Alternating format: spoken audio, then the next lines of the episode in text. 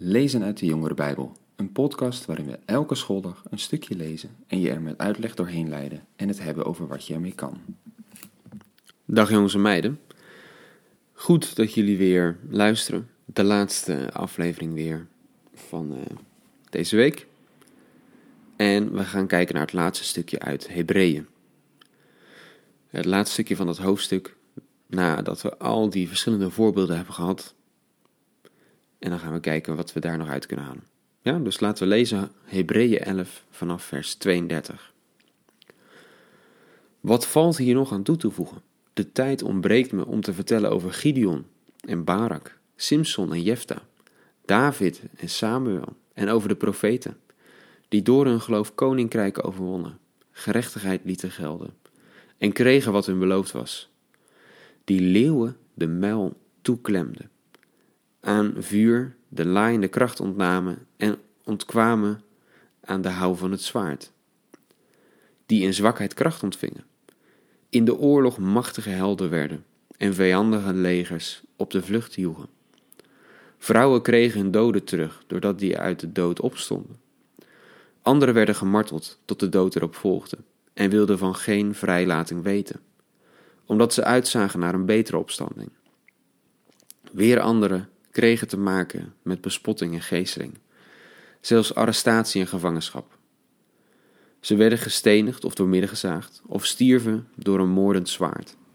Ze zwierven rond in schapenvachten en geitenvellen, berooid, vernederd en mishandeld.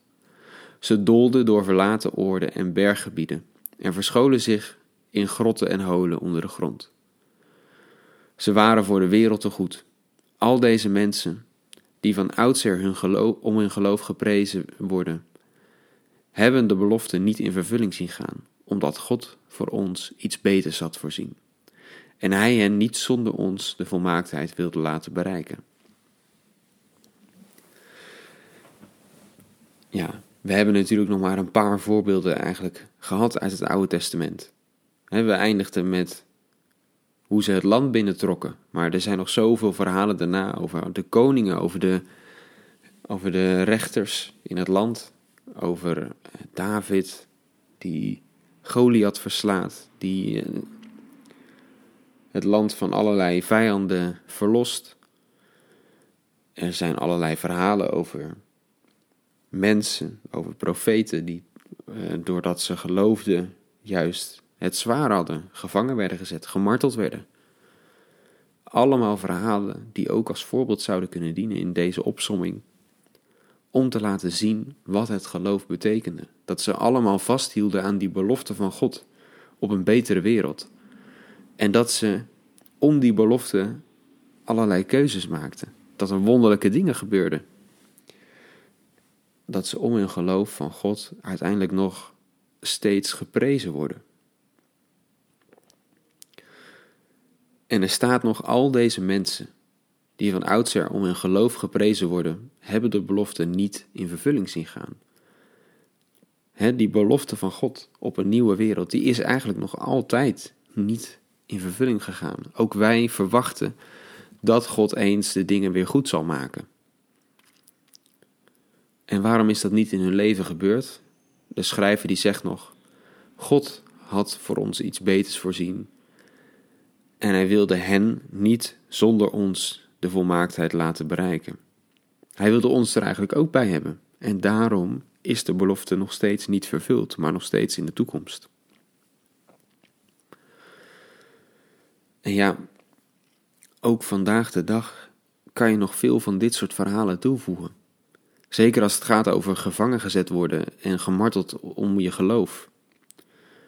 Dat is iets dat eigenlijk nog steeds wel veel gebeurt wij kennen dat niet, natuurlijk niet echt. Hè? In onze, want in onze omgeving mag je gewoon geloven. Dat vinden mensen, ja, weet je, dat moet je zelf weten. Maar er zijn dus landen waar je echt gevangen gezet kan worden en gemarteld kan worden, omdat je simpelweg gelooft in God. En ook in dat soort landen heb je de meest wonderlijke verhalen waaruit het geloof blijkt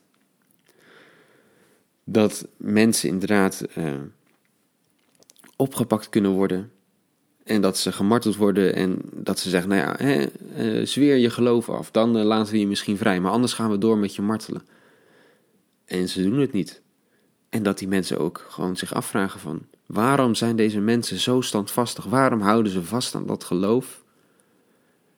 Terwijl het zo makkelijk is om gewoon te zeggen, nou oké, weet je, dan niet, dan zeg ik dat ik niet geloof en dan mag ik weer vrij. En dat die mensen dan konden getuigen van, ja, weet je, wat, wat kan je me in dit leven aandoen? Wat wil je doen? Wil je me doden? Dan ben ik juist alleen maar bij God. En je kan het me nu zwaar maken, maar ik zie uit naar iets beters, naar die belofte van God. Ik ben straks bij God. dat ze hun, uh, hun uh, degene die hun gevangen hadden en martelden tot wanhoop dreven, omdat ze gewoon ze niet konden breken. Het geloof gaf hen zoveel kracht op dat moment. Er zijn heel veel van dat soort verhalen. En dat zijn mooie verhalen die laten zien hoe geloof mensen kan sterken en hoeveel het kan betekenen. En ja, het kan ook ons uh, de kracht geven om als het, als het even niet lekker gaat, of als we een keuze moeten maken waar we voor gaan, om dan toch uit te zien naar iets beters. God die ons een betere toekomst heeft beloofd. dat je je ook niet helemaal richt op alles hier waar we al onze tijd aan kunnen verdoen, aan spullen, carrière, wat mensen van je vinden. Maar dat, je, dat er misschien iets belangrijkers is in het leven. Een God, relatie, liefde, maar ook een toekomst die God beloofd heeft. Het draait niet alleen maar om het leven nu en om dat soort aardse dingen. Het draait om God, om relatie, om, om die toekomst die beloofd is. En daar schrijft Paulus ook over en daar wilde ik deze week mee afsluiten. Een stukje uit zijn brief aan de Colossensen. Daar zegt hij: Als u nu met Christus tot leven gewekt bent, streef dan naar wat boven is, waar Christus zit aan de rechterhand van God. Richt u op wat boven is, niet op wat op de aarde is. U bent immers gestorven en uw leven ligt met Christus verborgen in God. En wanneer Christus uw leven verschijnt, zult ook u in luister verschijnen samen met Hem. Een beeldspraak die Paulus heel vaak gebruikt. Wij zijn met Christus meegestorven en opgestaan. Een soort van een oud leven waarin we God niet kenden, waarin we voor onszelf leefden, die oude persoon, die is met Christus meegestorven. En er is een nieuw iemand opgestaan, een nieuw leven. Iets waar de, waar de Bijbel vaak op zo'n manier over praat. Nu wij God zijn gaan kennen, er is een soort nieuwe kracht in ons, nieuwe hoop, een nieuw leven. En daardoor gaan we ook anders in het leven staan. Dan richten we ons niet meer op wat op de aarde is. Ja, weet je, tuurlijk, je komt van alles tegen. En het is ook niet zo dat je zonder spullen gaat leven of dat eh, we alles weg eh, moeten doen en onszelf moeten vernederen. Dat kan, maar dat hoeft helemaal niet. Maar je erop richten is wat anders. Het hoeft, het hoeft niet zo te zijn dat we ons daar alleen maar mee bezighouden. En Paulus zegt dus: als het nou inderdaad waar is hè, dat dat oude leven achter ons ligt en dat we met Christus zijn opgestaan, dan moeten we ook niet ons richten op alle dingen die hier beneden zijn, die dus eigenlijk helemaal niet zo belangrijk zijn. Dan moeten we ons richten op God, op boven, waar Christus nu is.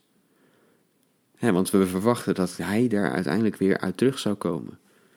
En dat, hij, dat we dan vanaf dat moment met Hem zullen zijn. Dat is het allerbelangrijkste. Daar zouden we ons dan ook op richten. Dus zegt hij: richt je op wat boven is. Daar ligt je leven verborgen met God. We weten nog niet precies wat de toekomst zal brengen, wat alle details zijn. Maar dat is, dat is waar het om draait. Dat leven met Hem straks. Dus ja, dan zouden we ons daarop richten. En dan staat er nog wanneer Christus, uw leven verschijnt, dan zullen ook wij in luister verschijnen samen met Hem. Als Christus uiteindelijk terug zal komen, dan zullen wij delen in al dat goede en dat mooie wat Christus nu al heeft. Dan zullen ook wij een leven hebben wat niet meer kan stoppen. Dan zullen ook wij niet meer de pijn en het lijden kennen van nu. Nou ja, en Paulus zegt, daar moet je je leven op inrichten. Goed, dat was het voor deze week. Volgende week